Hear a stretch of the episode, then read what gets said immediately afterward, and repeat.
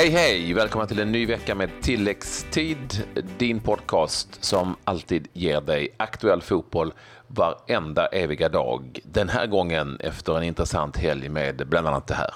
Ja, Hammarby bara. De vinner och de vinner medan Malmö FF numera är inne i en rejäl kris. Vi har synat fotbollen ute i Europa. Här är de mesta lag som är klara idag. Barcelona saknade Messi. Då, eh, då bröts sviten.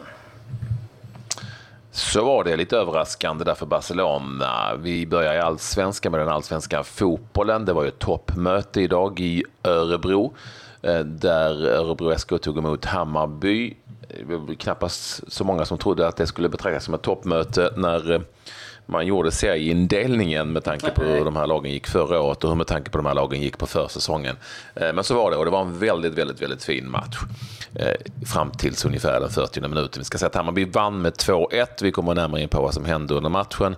Eh, och och det var varmt och det var skönt och det var nytt folk, nytt publikrekord på så att säga, nya arenan. Det var mer folk på Eiravallen en gång i tiden, på Bern Arena. Och det var ett Örebro som rivstartade det här mötet. Örebro är bra vet du Claes. Mm. Väldigt bra. Spelar en fin fotboll. Och 1-0 målet efter en retur ifrån Johan Wieland som Kennedy Igboananike såklart. Vem annars tryckte upp i nättaket. Men så kom det då en situation, Örebro hade väldigt eh, bra koll på Hammarby, men så kom det då alltså en situation i den 38 minuten när Kennedy Igboananike eh, åkte på direkt rött kort till allas stora förvåning skulle jag nu säga på hela arenan, inklusive spelarna på plan. Eh, när domare Al-Hakim ansåg att han gjorde en alldeles för våldsam satsning i en situation, vilket jag tror att 99 procent som har sett reprisbilderna tycker att det är ett fullständigt felaktigt beslut. Och sen blev matchen väldigt mycket Hammarby. Och det är ju starkt för Hammarby eh, visade direkt att det är nog det sämsta laget att få spelare utvisade mot eftersom de är så väldigt bra med bollen och de dominerade fullständigt sen i stora delar av, av matchen och, och, kunde vända. Dels via Nikola Djurdjic som gjorde mål på ett inlägg i tomt mål mer eller mindre. Och sen Jiloan Ahmad, givetvis, som i 78 minuten sköt ut ifrån straffområdet. Eh, ett skymt skott så att säga, eh, som gick eh, i mål ner i eh, ena hörnet och Hammarby tog ännu en seger, ännu en stor seger i det här mötet. Gildo Hanamad ännu en gång en av eh, de stora matchvinnarna. Ska också tillägga då att Johan Mårtensson fick rött kort efter matchen.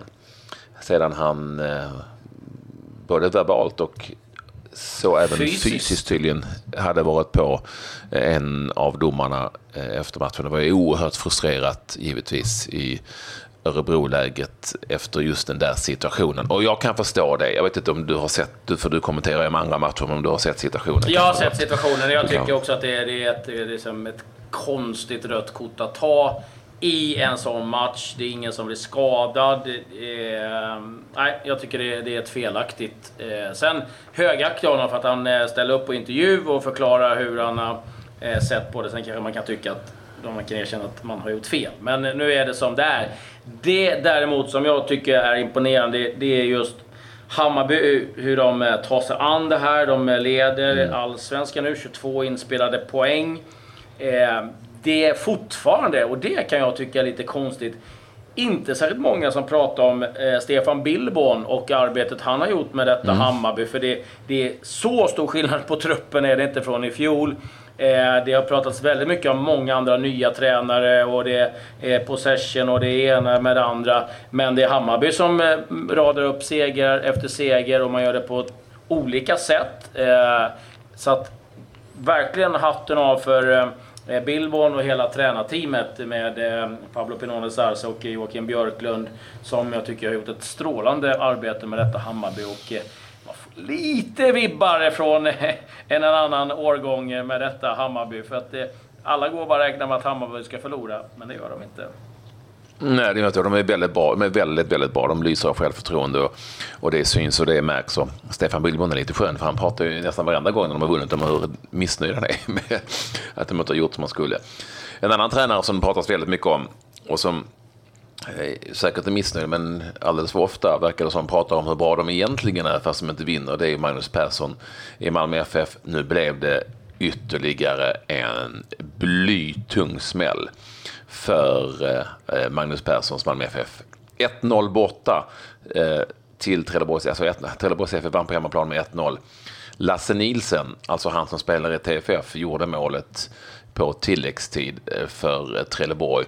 Och det blev alltså en seger med 1-0. Nya skador för Malmö, nya stora missade chanser. Ehm, Malmö FF har nu efter, de har faktiskt spelat nio omgångar, vunnit tre matcher, och förlorat fyra matcher och rasar lite i tabellen. Trelleborgs FF tog sin andra seger och den var förstås viktig eh, för ehm, TFF.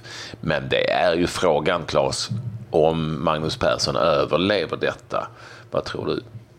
Ja, det, är, det är onekligen oerhört tufft för dem just nu. Jag skulle säga att de har mängder av skador.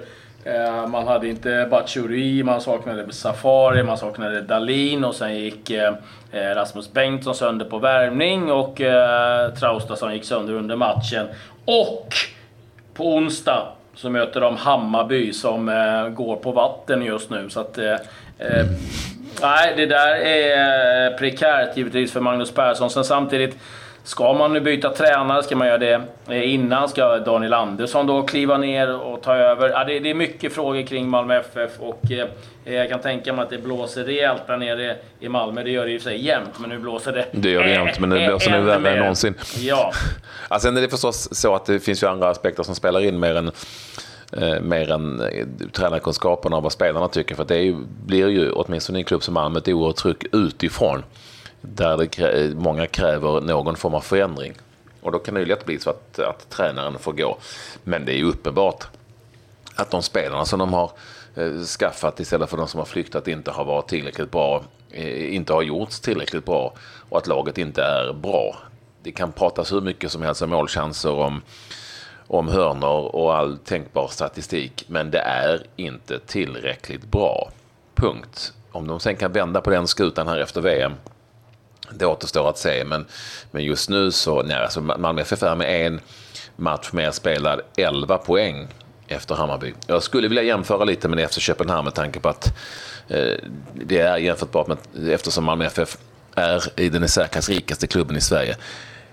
Det går inte att göra sig av med hur många spelare som helst och bara köpa in nytt. Alltså, det går säkert ibland, men inte alltid. Då blir det fel och här har det blivit snett. Och likadant, lika, samma lika har ju hänt i Köpenhamn faktiskt där ju Brönnby och eh, Midtjylland är de dominerade lagen nu för tiden. Så det, ja. det, är inget, det, är, det är inte så enkelt helt enkelt. Nej, men vi får nog lämna det för nu eh, börjar det bli... Vi ska, vi ska mycket vi ska hinna med. Mm. Eh, IFK Göteborg, Norrköping. Där matchen slutade 2-0 till IFK Norrköping. Och eh, en ny eh, viktig trepoängare, Kalle Holmberg och Simon Skrabb. Målskyttar för IFK Norrköping. Och... Eh, eh, Djurgården besegrade Dalkurd med 1-0. Tino Kadewere målskytt för Djurgården som däremot var en viktig trepoängare också och starkt att studsa tillbaka efter en del firande kan jag tänka mig också att ladda om. Två matcher i Superettan snabbt. Öster-Värnamo 0-0. Halmstad BK Gais vinst för Halmstad. Och så har det ju blivit en hel del mästarlag eh, klara runt om i Europa, Patrik. Mm, det har ju det. Du såg väl ett idag när du kommenterade matchen? Mm.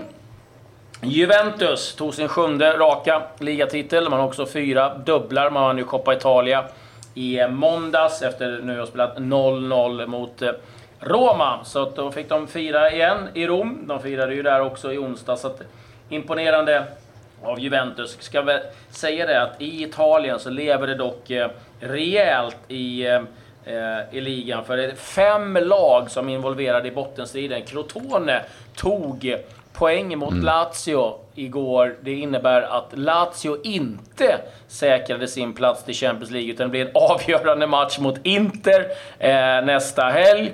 Snacka om ångest för kassörerna framför allt, för det snackar vi skillnad om eh, miljoner eh, när det är Europa League eller eh, Champions League. Fem lag är involverade i bottenstriden. Det är Crotone som just nu ligger på nedflyttning, 35 poäng. Spal 35, Cagliari 36, Odinese 37, Kevo 37. Så det blir en riktig rysare där också. Sen också lite kamp om Europa League-platserna.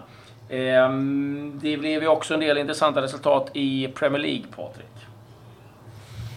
Eh, det var ju det, för nu är det helt klart att eh, Swansea inte spelar Premier League-fotboll nästa säsong. Martin Olssons lag, det blev ju stryk också i den sista matchen mot Stoke dessutom, som ju redan var stenklara för eh, nedflyttning. 2-1 till Stoke i Wales mot eh, Swansea.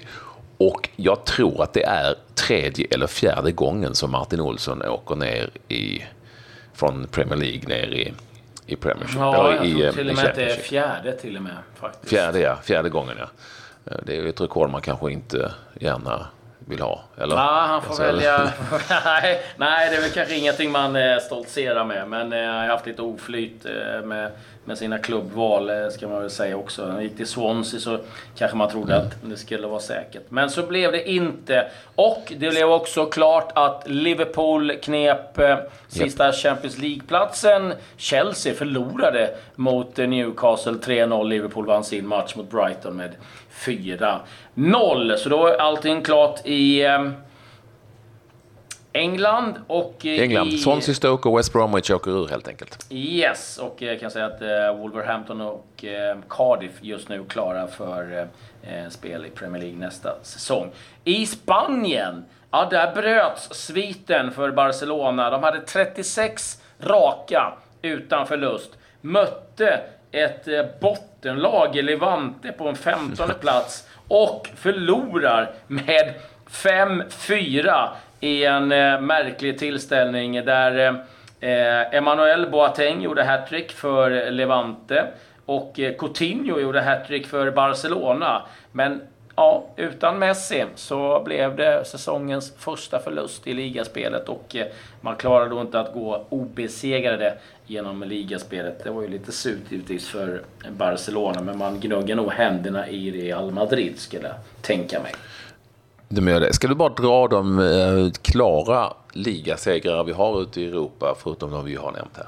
Ja, Manchester City, Barcelona, Juventus, Bayern München, PSV, PSG, Lokomotiv Moskva, Celtic, Club Brygge, Porto, Salzburg, AIK Aten och Young Boys. Det är de jag kan ha hittat i varje fall. Det kan finnas ja, vi kan nämna Galatasarays princip också helt klart. Det är en omgång kvar att spela där. De leder med tre poäng före Istanbul. BB och det är eh, tre pinnar och jag tror det är 13 plus mål så det ska de nog fixa för de möter ett skitlag dessutom Galatasaray i sista omgången så Galatasaray mer eller mindre med på den där listan får vi säga även om det som sagt inte är helt klart hundraprocentigt. Man vet ju inte med Turkiet. Kan fan med allting hända. ja. ja, sen är det ju en del ligor som har del eh, ja, eh, slutspel och, och grejer, playoffer, så det är inte riktigt eh, är klart där. Eh, men, ja, det börjar... Pratar vi svenskar så eh, det har varit en hel del i farten, eh, men det har varit sista omgången, så det är väl mest att gå i väntan på VM-trupputtagningen som är på tisdag. Vi ska säga det att i Ryssland då noterbart. Andreas Granqvist har gjort sin sista match för Krasnodar, blev 1-1 hemma mot Rubin Kazan. Och Pontus Wernbloom har tackat för sig i CSKA Moskva som vann hemma mot Ansi med 2-1. Andreas Granqvist ska ju hem till Helsingborg efter VM, det vet vi ju och blir någon sorts spelande sportchef. Eh, Var Pontus Wernbloom tar vägen, det vet vi däremot inte.